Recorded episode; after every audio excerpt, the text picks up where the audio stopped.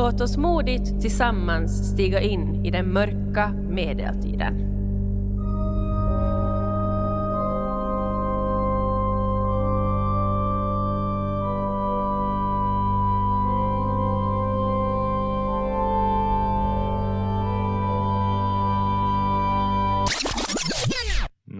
Nu är det ju de facto så att det här medeltiden är ju inte nödvändigtvis så mörk som vi nu tänker oss. Den är kanske, ja nu var det sen fanns säkert mörka och ljusa dagar, men att det är ganska långt en efterhandskonstruktion, att medeltiden ska ha varit specifikt mera mörk än andra perioder. Eh, det har lite att göra med det att på 1800-talet så använde man exempelvis medeltiden som en motpol till, till ska vi säga, framsteg och liknande. Och det här gäller också de facto på renässansen, eller vad ska vi kalla det, tiden efter medeltiden kanske vettigast att säga. Så då blir medeltiden också tiden däremellan. Vi kallar ju det de facto för medeltiden, så att det är alltså tiden emellan antiken och sen då den här egna, mera framgångsrika tiden.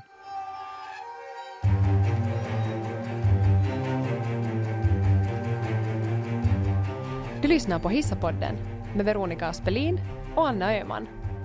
Medeltiden i Raseborgs slott.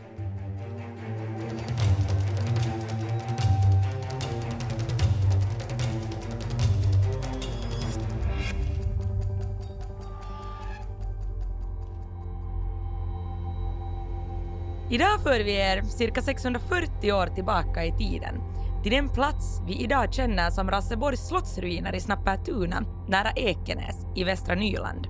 I det här avsnittet kommer vi att tala om slottslivet på Rasseborg från slutet av 1300-talet till början av 1500-talet. Vi kommer att se närmare på vilka som levde på orten och hur deras vardag såg ut. Vi kommer också att tala mer generellt om tiden här i Finland, den medeltida världsbilden och vilka faror och hot som påverkade människornas liv. Vi kan förstås inte heller lämna bort kyrkans ställning, eller vem som styrde och ställde på de områden vi idag kallar för Sverige och Finland. Med oss i studion har vi filosofiemagister Martin Pettersson, som ni precis hörde. Eh, jag eh, har studerat historia vid Helsingfors universitet eh, och jag har skrivit min progradu-avhandling om Raseborgs slott och mera specifikt brevväxling mellan eh, hövitsmän och fogdar på slottet och rådet i Reval mot slutet av 1300-talet och början av 1400-talet. När man forskar i medeltiden så finns det eh, vissa utmaningar som har att göra mycket specifikt med källor och mera bestämt bristen på källor. Alltså, eh, vi har ett ganska svagt källmaterial sist och slutligen, vilket innebär att det inte finns så mycket av det. Och det här gör det lite problematiskt att säga allt för specifika saker om medeltiden. Vissa saker har vi nog helt okej okay med källor om, men att och det stora hela har vi ganska en, en ganska svag situation. Uh, jag kan säga i det här skedet exempelvis att när jag arbetar med min progradu så jag behandlar cirka 50 år av, av medeltida historia och jag hade 83 brev till mitt förfogande. Så att det är inte en fruktansvärt stor mängd. Ännu i början av 1000-talet såg Europas karta ganska anspråkslös ut. Skog och ödemark bredde ut sig över kontinenten och mindre folkgrupper stationerade sig där marken tycktes bördig. Men under den första halvan av seklet inträffade en fördelaktig förändring i klimatet som innebar större skördar som mättade flera magar. Befolkningsmängden ökade, jordbruket utvecklades och snart uppstod också flera byar och städer runt om i Europa. Fortsättningsvis livnärde sig runt 90 procent av befolkningen på jordbruk och de som inte själva sådde sin sed gjorde istället business på den jord som någon annan brukade. I Sydeuropa var städer som Venedig, Milano, Florens och Paris framträdande med runt 30 till 40 000 invånare. Också Brygge, Kent, Lübeck och London växte till sig under tidig medeltid med en befolkning på ett par tiotals tusen. Betydligt större var städer som Konstantinopel och Bagdad med omkring en miljon invånare. Det område vi idag kallar Sverige var betydligt mindre än så. Mellan år 1100 och 1300 skedde en kraftig befolkningstillväxt som resulterade i upp till 1,2 miljoner invånare. Efter år 1300 sjönk åter befolkningsmängden rejält förorsakat av bland annat återkommande pestepidemier. Regionen var uppdelad i självstyrande landskap där lag och ordning rådde enligt muntlig tradition.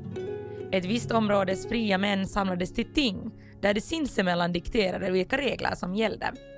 Landskapens förmögna stormän och hövdingar hade mest att säga till om. I samband med att kristendomen erövrade Norden under slutet av 1000-talet började också de första så kallade rikskungarna samla människor och mark under sig. Under den här tiden lyckades man åtminstone tidvis ena områdena Götaland och Svealand under samma kung.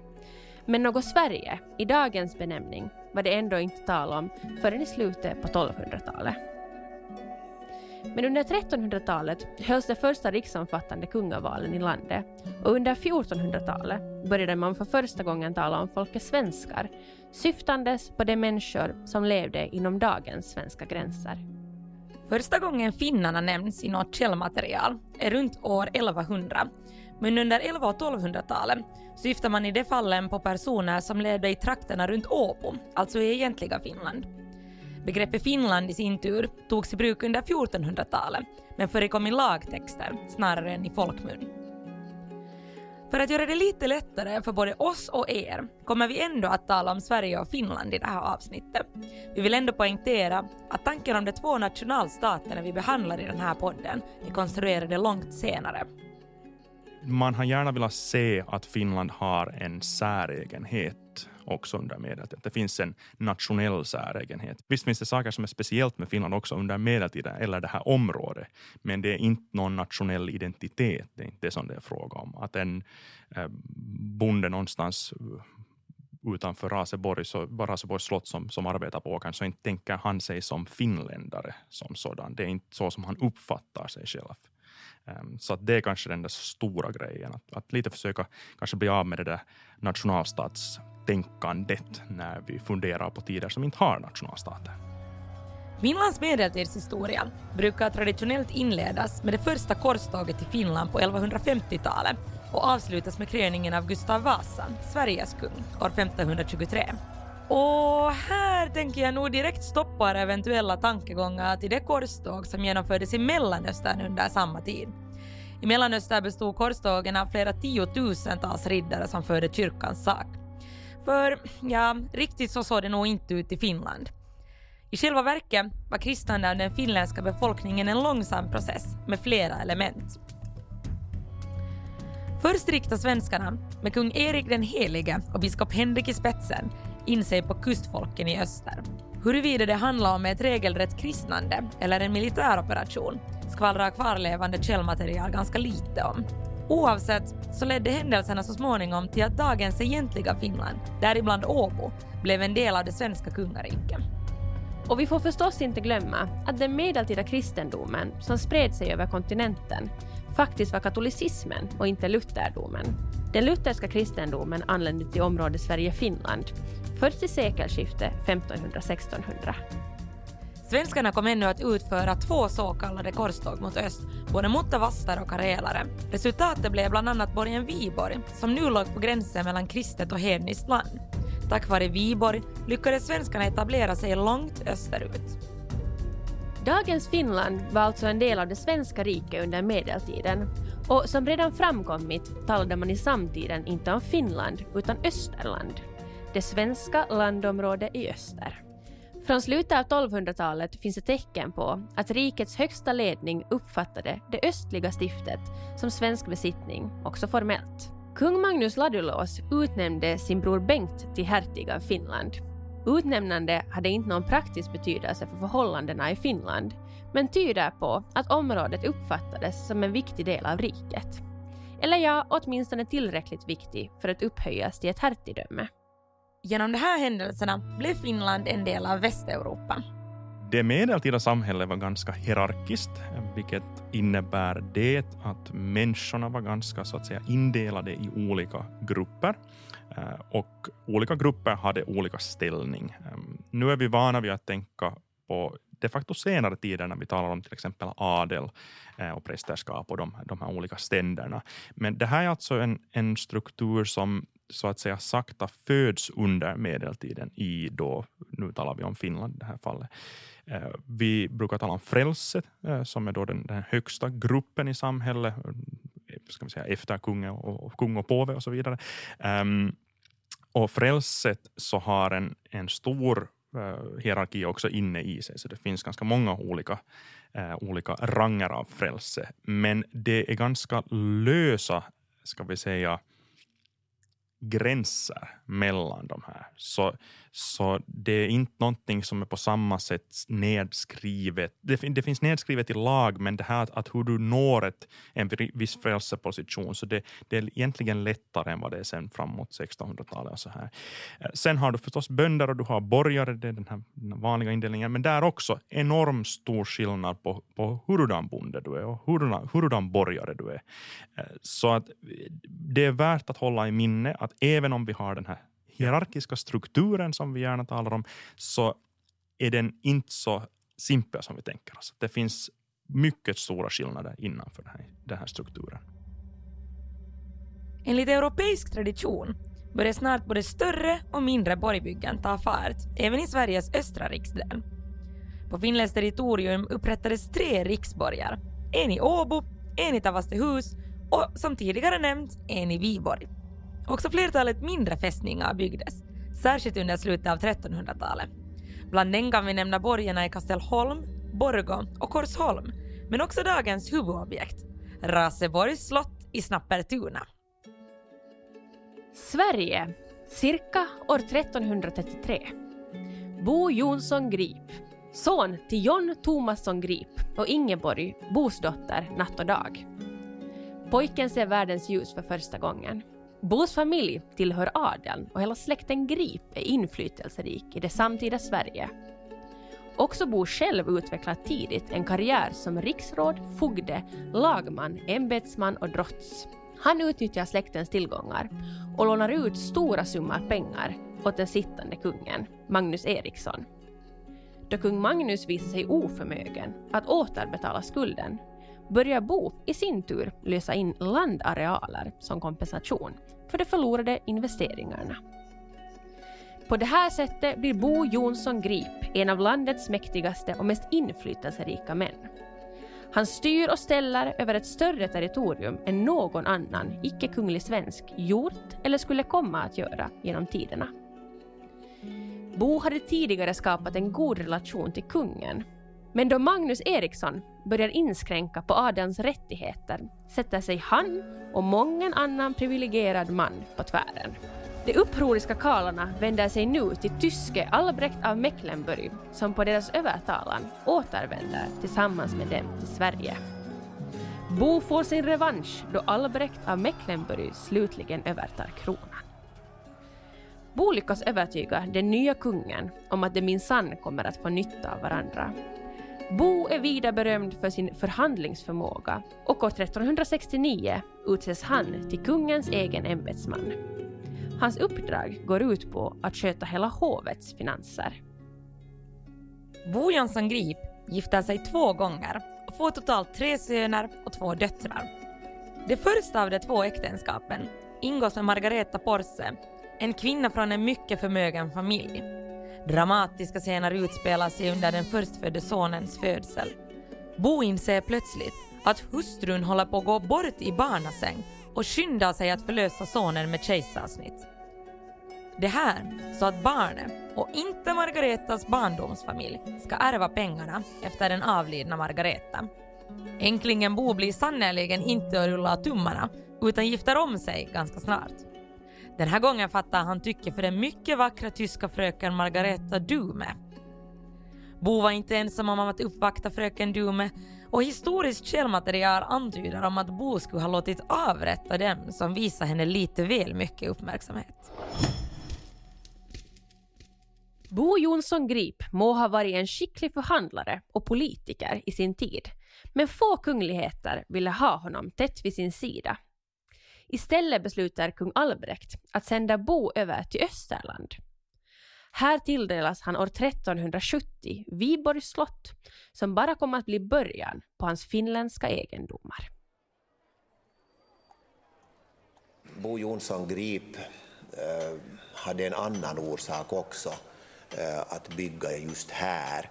För vi befinner oss i en väldigt fin kärna, ganska mittemellan allt möjligt. Det här är scenartist Dan Idman, som bland annat varit med om att grunda Raseborgs medeltida sällskap, RAMS, samt guidat bland slottsruinerna under många års tid. Vi hade glädjen att träffa Dan i just den historiska miljö vi uppmärksammar i det här avsnittet, nämligen invid Gråstensborgen i Snappertuna. 74 som vi antar att skulle ha varit grundandet. Ehm, därför att eh, vi vet att 1372 så har man undertecknat papper i Karis. Mm. Och vem skulle underteckna någonting i Karis om det finns ett Raseborg? Ehm, och, men 1378 så fanns det en underteckning härifrån, Raseborgs slott. och då uh, bör här då alltså nog ha funnits någonting som var redan byggt av sten, åtminstone några små murar. Det här är faktiskt mittemellan Åbo och Reval, det vill säga Tallinn. Eh, det är ungefär 90 kilometer åt båda hållen. Det här är ju fågelvägen och man har ju aldrig åkt fågelvägen på den tiden. Men, men det råkar bilda ett sådant här fint kryss här och man behövde något ställe för att idka handel. Eh, men det här var liksom en lite tråkigare borg. Det var ett centrum för handel och administration. Raseborg uppstod alltså som ett centrum för handel, försvar och administration. Att borgen byggdes just här, i Snappertuna, föll sig också naturligt. Från en klippa kunde fortet enkelt försvaras mot intrång och det på den tiden kringliggande vattnet utgjorde en naturlig vallgrav mot fiender. Havet möjliggjorde också en lukrativ handel med Reval och med Stockholm. För att handeln skulle vara lönsam behövdes förstås också eftertraktade varor. De västnyländska naturresurserna erbjöd prima humle, förstklassiga pälsverk och fina trävaror. Man tjänade också smör och torkade fisk som därefter skeppades iväg till behövande hamnar. Västnylänningarna hade i sin tur ont om salt, malt, spannmål och tyger, vilket man gladeligen tog emot från fjärran orter. Året är 1460. Runt Raseborgs slott rör sig män, kvinnor och barn, bönder, borgare, några frälsemän och präster. Det är en helt vanlig dag på orten, under den epok då borgen var som mest livskraftig. Som mest bodde runt 70 personer på Raseborgs slott. En av de mera framstående invånarna var den tidigare svenska kungen, Karl Knutsson Bonde. Han hade titulerat Sveriges konung hela tre gånger innan han slutligen slog sig till ro på Raseborg under 1460-talet. Karl Knutsson Bonde gjorde ett betydande avtryck på Raseborg. Under sin tid på slottet lät han genomföra omfattande tillbyggen och förnyelser. Men minst lika känd blev han för sin relation med Pojobon Kristina Abrahamsdotter, Raseborgs ros. Men mera om den saken senare. Det förhistoriska ättesamhället, med rika stormän och mäktiga ätter, började efter svenskarnas ankomst till Finland och de nya organisatoriska modeller som fördes med sakta att brytas ner. Istället började det vi känner till som ståndssamhälle uppkomma. Befolkningen delades upp i grupper med olika rättigheter och specialiserade uppgifter. Bönder, borgare och frälse som vidare delades in i världslig och andlig frälse. På detta sätt uppkom stånd och ståndssamhälle etablerade sig. Inget stånd var på något vis homogent eller statiskt utan innefattade mycket stora skillnader, både ekonomiska och sociala. I Finland var frälsegårdarna förhållandevis små och frälsemännen var oftast beroende av ett offentligt ämbete för att upprätthålla sin ställning. De flesta finländare, eller ja, folket som levde på de områden vi idag definierar som Finland, var trots allt inte frälse. Befolkningsantalet uppgick under den här tiden till mellan 200 000 och 300 000 personer. Trots den medeltida trenden med uppkomsten av allt flera städer levde de flesta människorna just här, fortsättningsvis på landsbygden. Man uppskattar att mellan 90 och 95 procent bodde ruralt, medan bara en bråkdel av människorna byggt bo i något större samhälle. Under medeltiden var Åbo och Viborg de största städerna med uppskattningsvis ett par hundra invånare per stad. Men den största delen av befolkningen skulle alltså idag definieras som jordbrukare, bosatta på landsbygden. Reval under medeltiden, alltså dagens Tallinn, eh, så var en, en stad som skulle kunna klassas som en Hansastad, alltså att den är under Hansans kontroll. Eh, Hansan är dock inte en stat som sådan, utan det är en ganska löst organiserad politisk organisation, skulle man kanske kunna säga, med fokus på handel förstås. Och Revale är de facto eh, ett, eh, man kan kalla det för ett handelscentrum eh, i östra öst, Östersjön, alltså just här vid Finska viken. Så man kan lite se det som en sån där magnet som drar till sig varor från Eh, upplandet, alltså landet omkring staden. Och eh, man kan argumentera för att eh, Finlands södra kust har fungerat också som en sån här ska vi kalla det råvarubord för eh, Reval, alltså att man, man handlar massvis med Reval, exempelvis härifrån. Och därför har man också så mycket kontakt förstås från borgen med, med Reval. Eh, man har ett behov av att, att upprätthålla goda förhållanden, för man är också beroende av Reval. Från Reval får man produkter som man måste ha, till exempel salt och annat. Eh, kylskåpen hade inte ännu riktigt gjort sitt, sitt det här intåg under medeltiden, så ska man bevara saker så var det bra att antingen röka dem eller sen då salta dem. Och så saltet blev otroligt viktigt och sånt till exempel så får man in från, från Reval. Lübeck, sommaren 1417. Den i Viborg födde handelsmannen Klaus Dock smider affärer i stan och han la förnöjt in 18 000 kilo honung som han tänker föra till Finland eller Ryssland. På havet stöter Klaus på problem och tvingas till följd av en handelsblockad sälja sin last i Reval.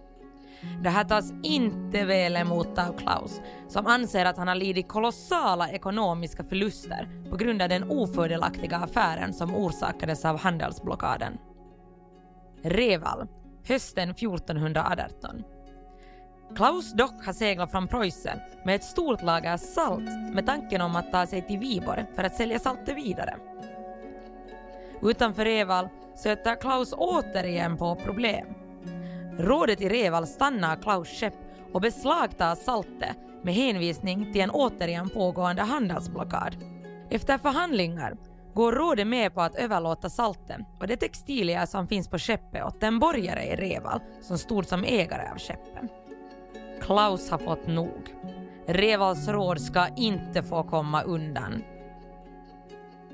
Sommaren därpå, efter misslyckade förhandlingar med rådet, förklarar Klaus dock enligt rådande rättspraxis krig åt staden Reval. I sann piratanda kapar han ett ryskt skepp, lämnar besättningen på Estlands kust och skickar ett krigsförklaringsbrev åt rådet i Reval. Klaus seglar till den finska kusten där han olyckligt nog blir tillfångatagen. Efter sex år i fängelse i Åbo återvänder han, ja, mer och mindre frivilligt, det kan vi inte avgöra, men det gör han i varje fall, för att göra upp med rådet. Trots löften om annat tillfångatar rådet Klaus och halshugger honom i december 1425.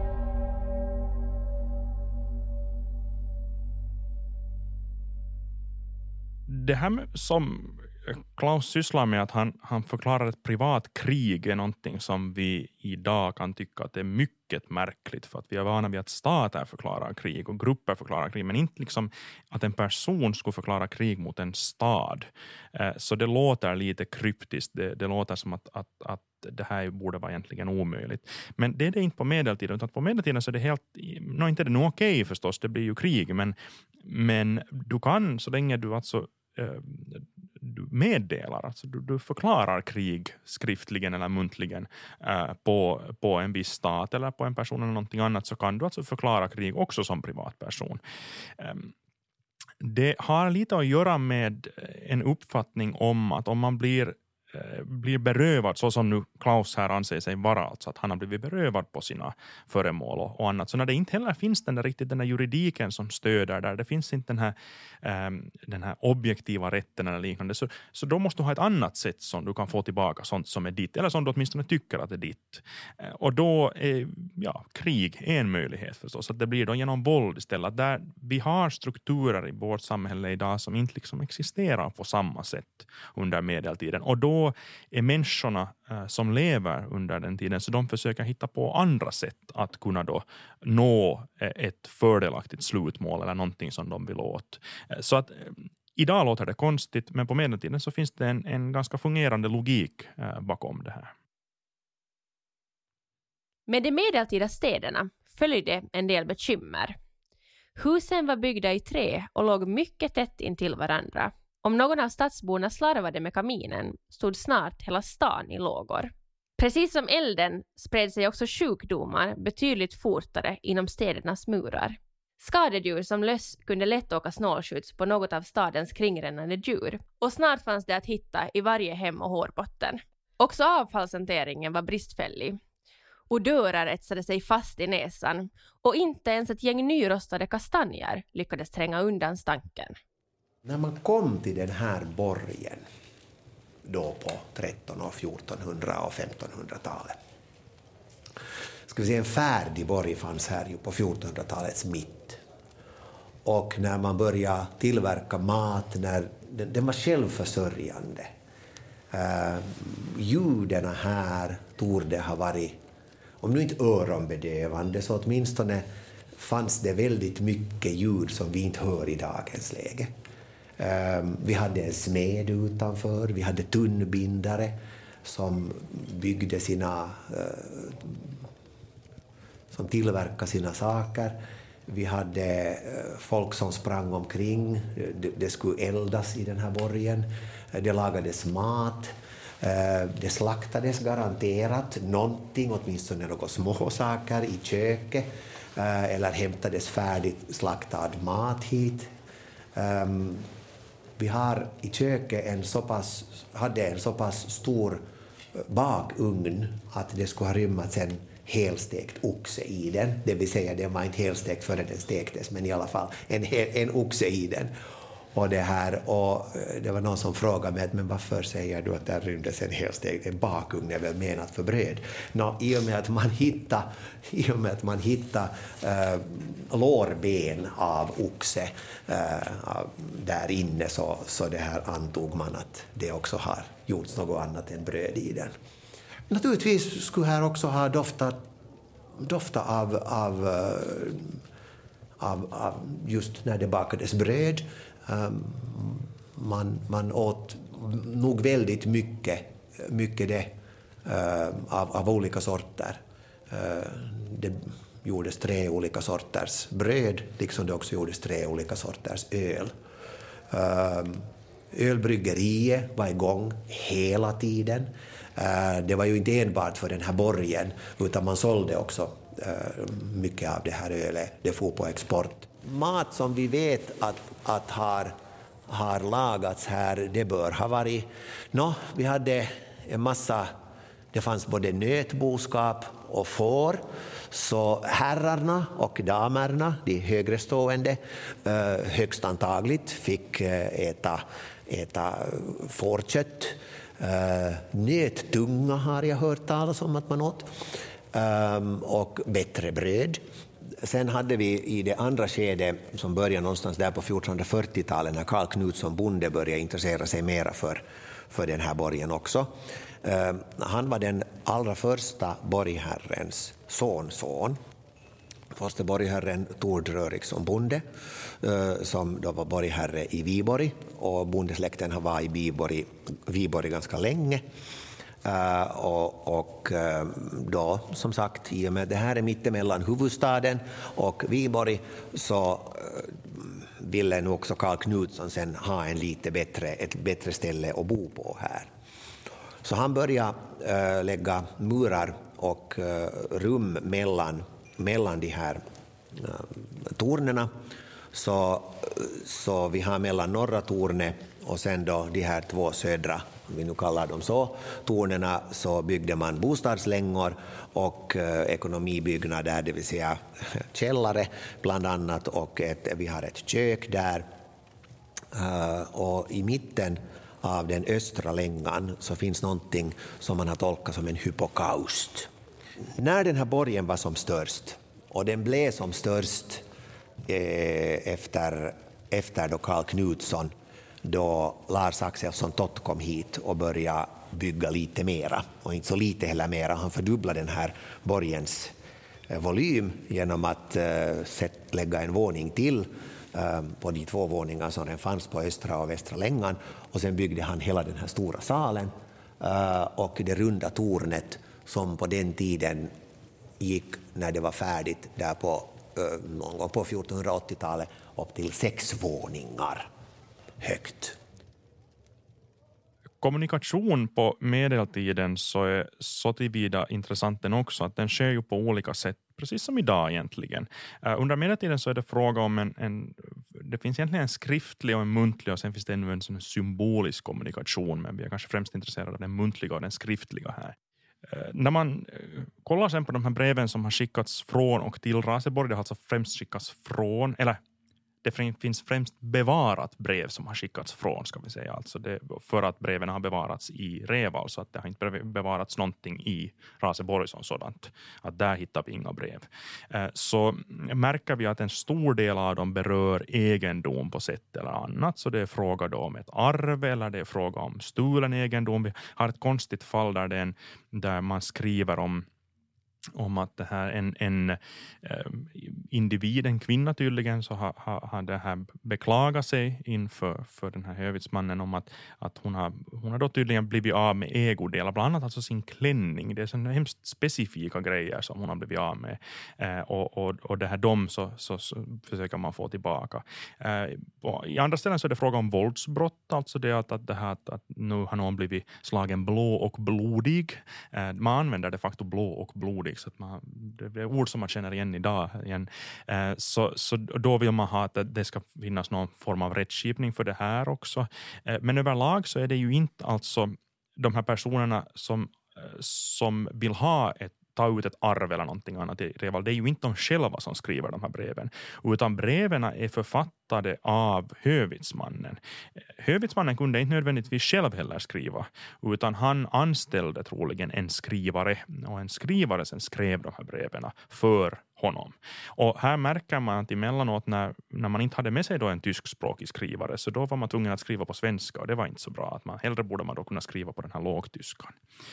Eh, och så skickar man då de här breven. Så, så, så, grejen är att det, att det finns liksom brevskrivande klasser. Alltså såna, vem kan skriva brev? Vem kan författa ett brev? Och vem kan inte författa ett brev? Det har dels med att göra med att du inte kan skriva. Det, det är den ena grejen. Men det är också det att, att vissa så är inte tänkta att ska kunna skriva. De, de har ingen plats i systemet av skrivande grupper. Så när du eh, skriver åt någon så måste du också höra till en grupp som har så att säga kan vi kalla det rätt att skriva, alltså någon, någon som, man, som det är värt att lyssna på. Och då har vi just den här, och det, det har just att göra med egendom, mycket, mycket ofta så är det de här breven, och de kallas för så här brev. kan inte uttala det för vi vet inte hur det ska uttalas, för att det är ett dödsspråk. Men i vilket fall som helst, äh, så har vi så här kallade brev och, och det här där är det alltid hövitsmannen som skriver för en annan person. Att den här personen X, eh, Björn Josef eller vad den nu sen heter, så eh, har nu en släkting som har dött i er stad och han skulle nu vilja ta ut sitt arv från den här släktingen. Eh, hövitsmannen lovar absolut inte att det här är sant. Han lovar bara att någon har kommit och berättat åt honom så här och, och, och den personen har lovat att det är sant. Så hövitsmannen har egentligen ingen själv någon skillnad att hur det nu går med det där arvet, men det är ändå han som måste skriva det där brevet, för att den här personen kan inte skriva brevet själv egentligen. Ehm, så att det är en ganska, ehm, ska vi säga, krånglig värld när det kommer till, till hur vi tänker oss kommunikation idag. För idag kommunicerar vi ju massvis, dagligen, alltså med flertalet meddelande och annat. Medan, medan det här är en, en värld där det finns en enormt stark struktur kring det här skrivandet och hur man får skriva och vem som får skriva och vad det ska skrivas. Eh, största delen av brevet kan man egentligen plocka bort oftast från första början. Man tar bort början och slutet så har man redan blivit av med en massa hälsningsfraser. Så plockar man bort en massa ord i mitten som bara hänvisar till, till olika, ska vi säga, eh, återigen hälsningsfraser mitt i och man, man ärar den ena och, och Gud ska vara med den andra och så vidare. Och sen sakta kommer man ner till de där två, tre, fyra meningarna som, som verkligen säger någonting. Så det finns liksom massvis också i det där brevet som är bara Somalia. Och när man först börjar läsa de här breven så tycker man att det är långa brev och så där. Men man märker att till sist det är ganska korta brev. Det är bara formalia till, till, till en mycket stor del. Religionen dominerade mycket av livet i det medeltida samhället. Som nämnt i samband med den inledande utläggningen om de så kallade svenska korstågen till Finland tog alltså en ny religion, katolicismen, gradvis plats i samhället från och med sent 1100-tal. Den kristna tron ersatte åtminstone officiellt de gamla hedniska gudarna och religionen hade en ständig närvaro i befolkningens vardag. Den dominerande föreställningen var att Gud hade skapat världen och låg bakom allt som skedde på jorden.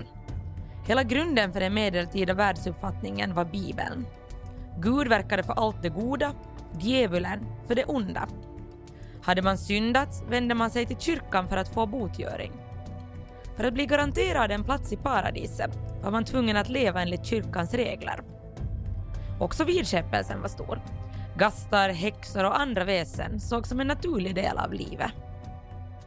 Den medeltida världsbilden så skilde sig ganska mycket från eh, vår världsbild så tillvida att, att i centrum så står ju definitivt kyrkan och, och tron på, på det som no, dels alltså kyrkan säger men också det som då sen står i Bibeln. Så alltså det, är en, det är en mycket annorlunda värld om vi tänker redan på saker som, som helvete. Idag så är vi No, det finns förvisso säkert många som tror på helvete och så här, men, men för, för andra kan det vara att det, det är kanske inte någonting där, som man tror på eller någonting som berör en. Men under medeltiden så den medeltida människan är mycket starkt av den uppfattningen. Det är liksom en självklarhet att helvete finns. Och det är definitivt någonting som man vill undvika, för där brinner man ju sen då, eller i skärselden så brinner man ju i evig tid.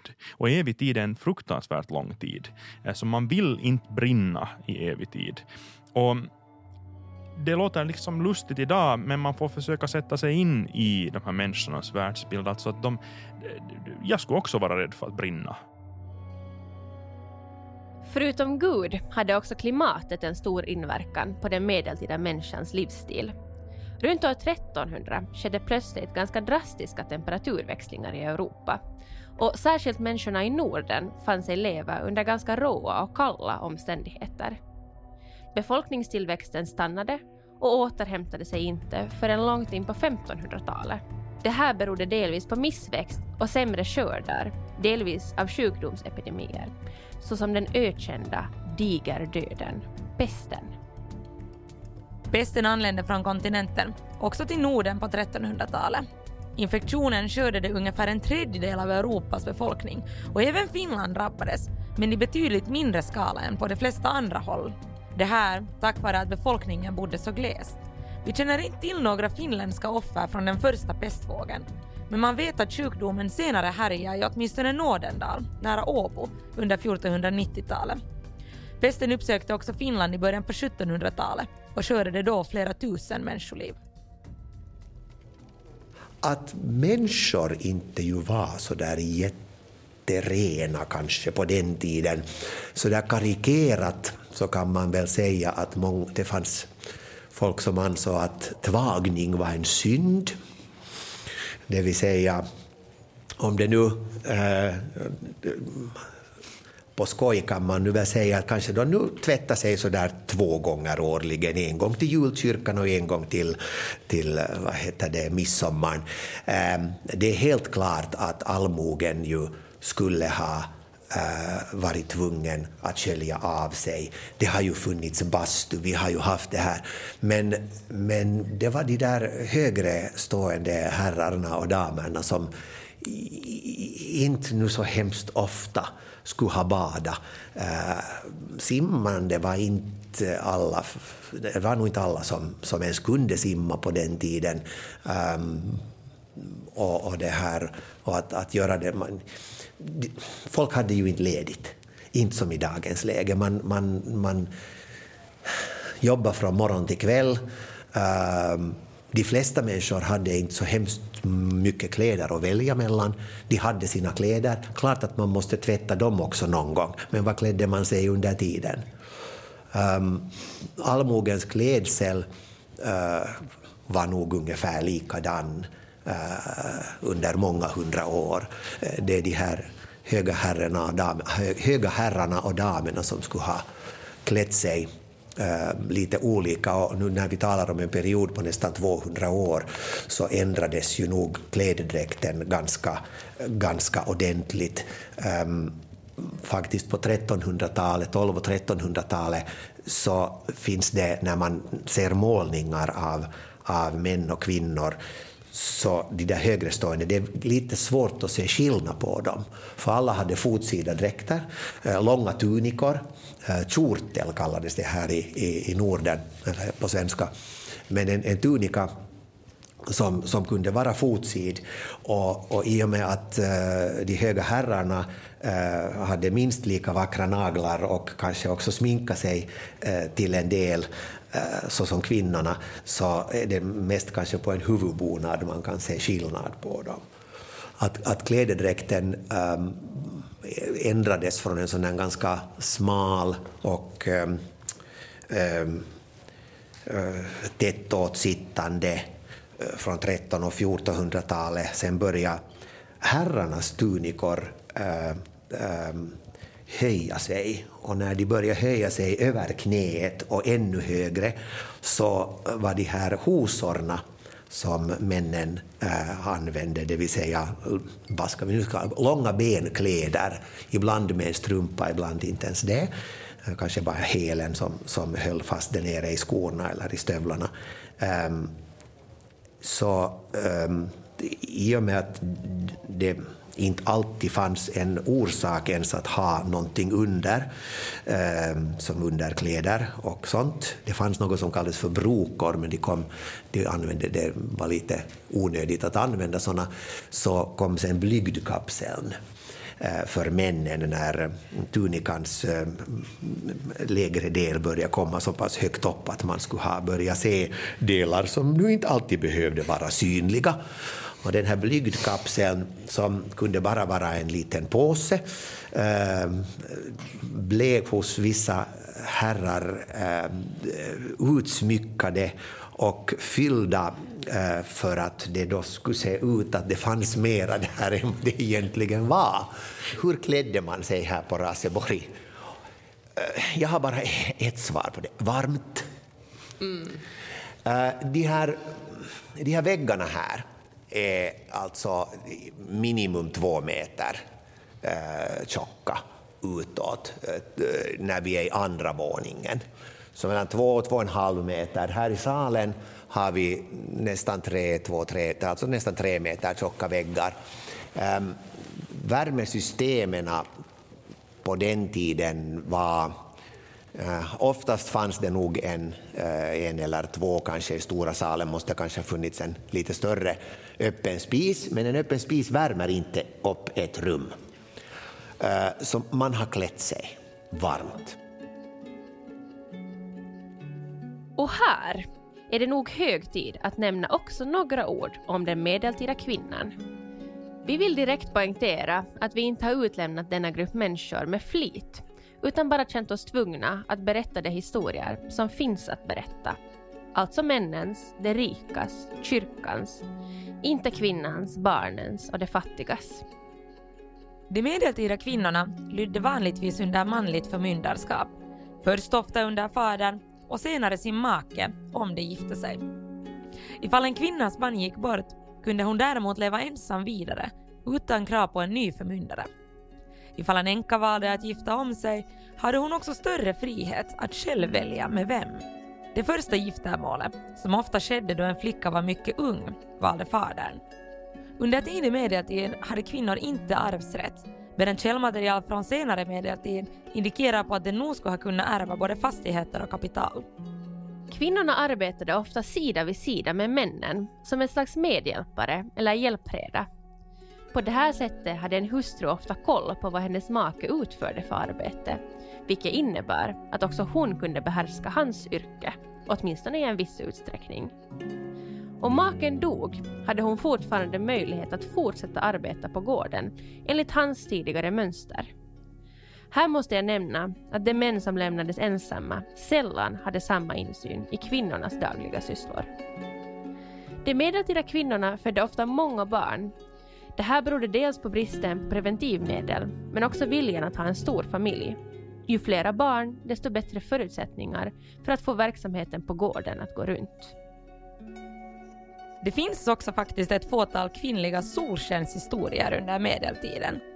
Tänk bara på drottning Margareta som regerade över Norge, Danmark och Sverige under sent 1300 och tidigt 1400-tal. Eller Birgitta Birgersdotter, idag mest känd som heliga Birgitta, som under 1300-talet var den kändaste svenska personen i Europa.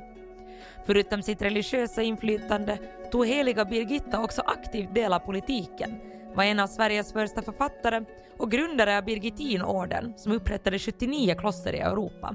Och ett av de här klostren var faktiskt beläget i Nordendal. En annan medeltida kvinna vi vill uppmärksamma är den tidigare nämnda Kristina Abrahamsson, Raseborgs ros. Kristina var hemma från Pojo i västra Nyland och sällskapade med kung Karl Knutsson Bonde. Kristina och Karl var länge bara ett par innan det slutligen ingick äktenskap, strax innan Karls död. De hade fått två utomäktenskapliga barn tillsammans, Anna och Karl, vilket förstås var högst oacceptabelt i samtiden. Kristina Abrahamsson levde som drottning under några veckors tid innan hennes make slutligen somnade in. Strax efter kungens bortgång menade hans bror Sten Sture att äktenskapet mellan Kristina och Karl var ogiltigt. Kristina och barnen frånsades sin status och stora delar av den avlidnes arv. Raseborgs slotts glansdagar blev sist och slutligen ganska få.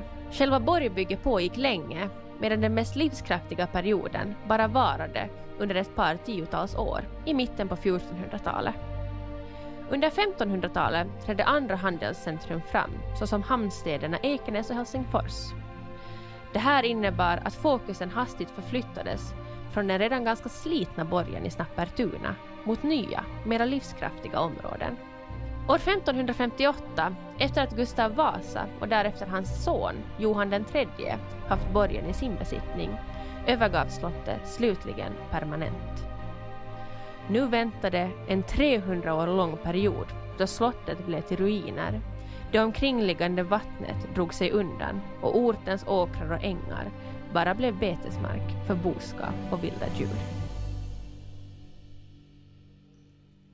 Början till slutet var nog när, äh, när Kristian den andra tog över äh,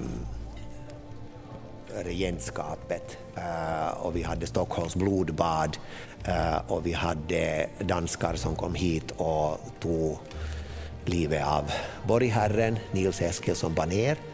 Ehm, och den ehm, biskop som hade Eh, hjälpt till att få, få då Nils Eskilsson att ge sig utan strid.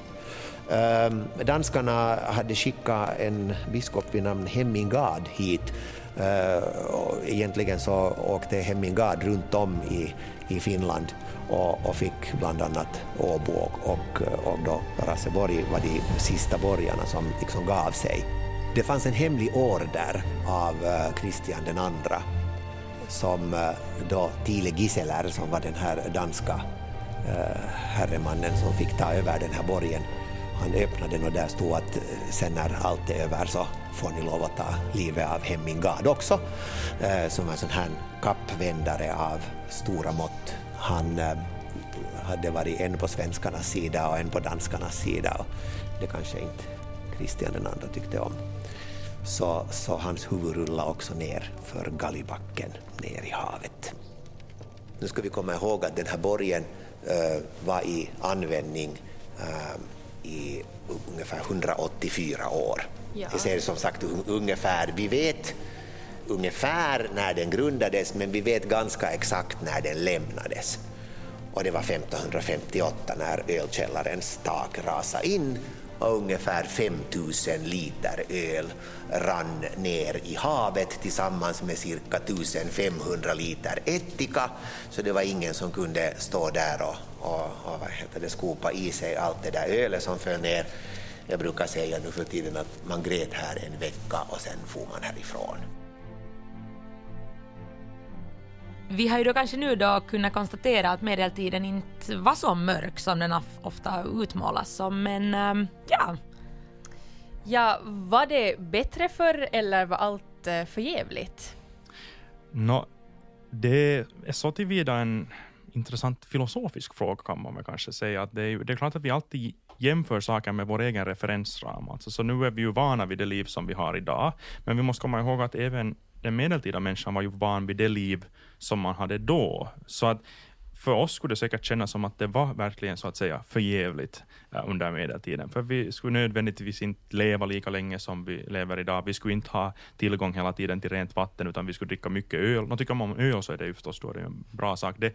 Eh, men, men överlag så har du en mängd med hot förstås mot det. Men, men det är just det att vi måste försöka tänka oss att, att eh, om man då har växt upp i ett sånt samhälle, så är det inte nödvändigtvis så att det är så förfärligt. Och, och det är värt också att komma ihåg att det är ju vissa saker som vi tänker oss, liksom, om, vi, om vi tar till exempel patron-klientförhållande, inte är det ju som att de nu egentligen då har på riktigt försvunnit någonstans. Vi har en, en starkare, ska vi säga, meritokratisk struktur idag, men visst har ju förhållanden fortfarande en stor betydelse, alltså vem man känner och, och, och, och var man känner folk och så här. Man ska ha ett nätverk och liknande. Att inte det, inte är det liksom någonting som vi har blivit av med idag, eller som att det, det, det är en, en, en, sak som är specifikt medeltida. Alltså att jag, jag håller nog fast vid det där att det, för oss är det, ja, det var sämre förr. Men för de som levde då så fanns det säkert någonting förr som var ännu sämre eller liknande. Alltså man, man lever i sin egen referensram, precis som alla individer idag också lever i sina egna referensramar.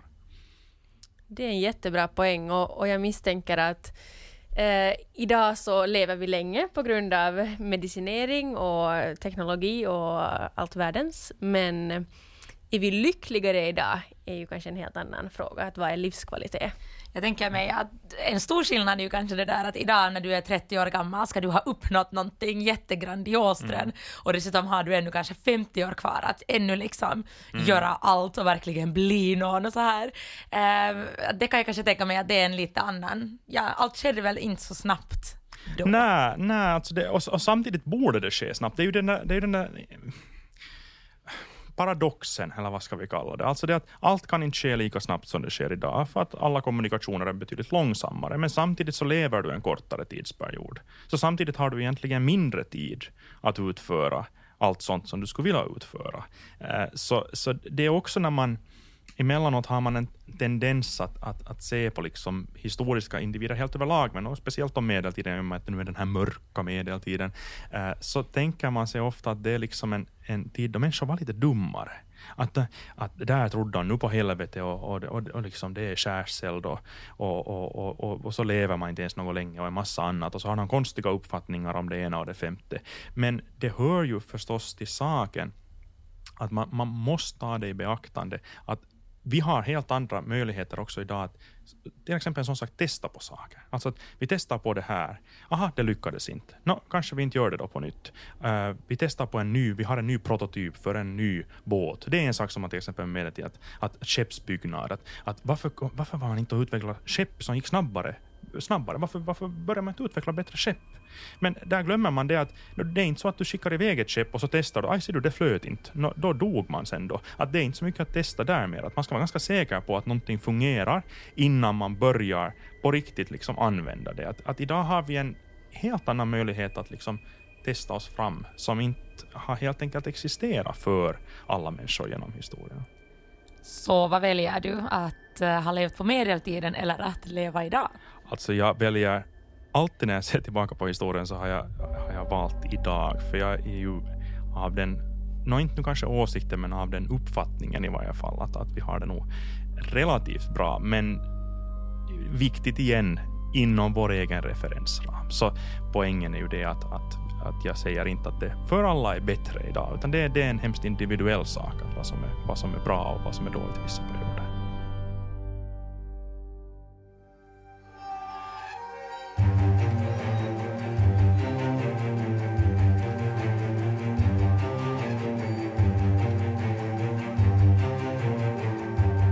Du har lyssnat på Hissapodden med Veronica Aspelin och Anna Öhman. Inspelad av Tobias Jansson och producerad av Freja Lindeman.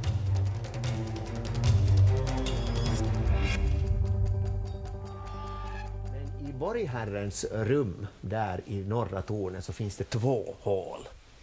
Ett som är ett fönster, för det är bredare på insidan och smalare av utåt. Och ett som är en helt tydlig korridor.